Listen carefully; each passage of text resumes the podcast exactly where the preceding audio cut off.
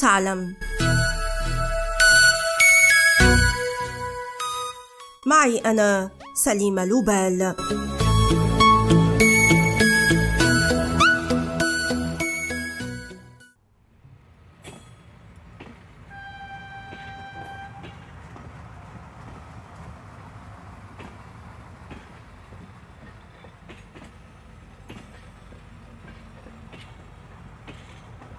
وصل متأخرا دقيقة واحدة. لم يلاحظ المسافرون ذلك ولم تتعطل حركة المرور ولم تسجل أي خسائر. لكن الشركة قررت معاقبته. هذه ليست مزحة ولكنها حقيقة يابانية. ينظر القضاء الياباني هذه الأيام قضية رفعها سائق قطار ضد شركته بعد أن خصمت من راتبه 75 سنتا أمريكيا في عقاب تأخره دقيقتين عن موعد بداية عمله رسميا. تعد دقة مواعيد القطارات في اليابان فخرا وطنيا لدرجة أنها تحولت إلى هاجس في الأرخبيل. والدليل هذه القضية التي تنظر فيها محكمة أوكوياما منذ أكتوبر الماضي وطرفاها شركة جي آر ويست وأحد سائقيها. رفع الموظف في أكتوبر الماضي دعوى قضائية ضد الشركة بعد أن رفض هذا الخصم. تعود تفاصيل القضية إلى يونيو 2020 حين كان صاحب الدعوى ينتظر قطارا في محطة أوكوياما لكن القطار وصل بالفعل وتوقف في رصيف آخر. والنتيجة غيرت الشركة السائقة وغادر القطار قبل دقيقة واحدة من موعد انطلاقه. رأى السائق أن الخصم مبالغ فيه لم يتسبب خطأه في إلحاق الضرر بالشركة أو تعطيل حركة المرور لأن القطار كان فارغا في الأساس وكان متأخرا دقيقة واحدة فقط عن موعد وصوله. لهذه الأسباب كلها قدم الرجل شكوى يطالب فيها بتعويض بقيمة 38 سنتا عن دقيقة التأخير و19400 دولار كتعويض عن الضرر النفسي الذي تسببت فيه الشركة لاستخدامها سلاح التخفيضات في الأجور لمعاقبة خطأ بشري بسيط.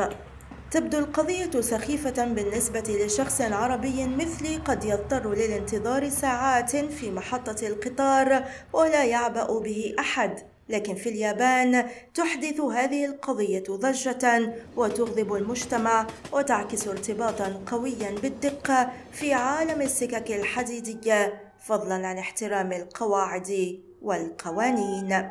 في كل عام تنقل أكثر من 200 شركة أغلبها شركات خاصة في اليابان ما يقرب من 23 مليار مسافر.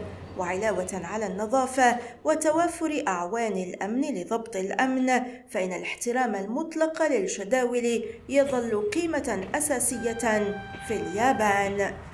يعد قطار شينكانسن أو القطار فائق السرعة الرائد في السكك الحديدية اليابانية مثالا على جودة الخدمة هذه إذ لم يتجاوز متوسط التأخيرات منذ دخوله حيز الخدمة العام 1964 30 ثانية.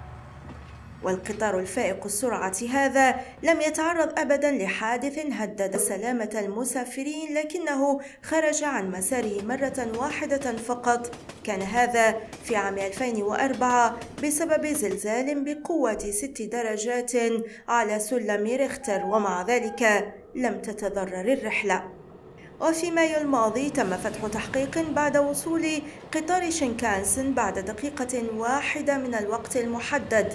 وتبين أن السائق اضطر للتغيب للذهاب إلى دورة المياه وترك الرافعات للقبطان الذي لم يكن مخولا للقيام بهذا العمل. أثارت القضية حينها ضجة إعلامية رغم أن المسافرين لم يلاحظوها. وبرر الموظف المتهم فعلته بالقول أردت تجنب تأخير القطار بإيقافه. وتحظى مواعيد المغادرة بدقة تامة أيضا ففي عام 2017 اعتذرت شركة سكك حديدية محلية في اليابان عما وصفته بالأضرار الجسيمة التي لحقت بعملائها بعد أن غادر أحد قطاراتها قبل عشرين ثانية من الموعد المحدد. الساعة هي الساعة في اليابان وآمل من أعماق قلبي أن نكون بمستوى دقة اليابانيين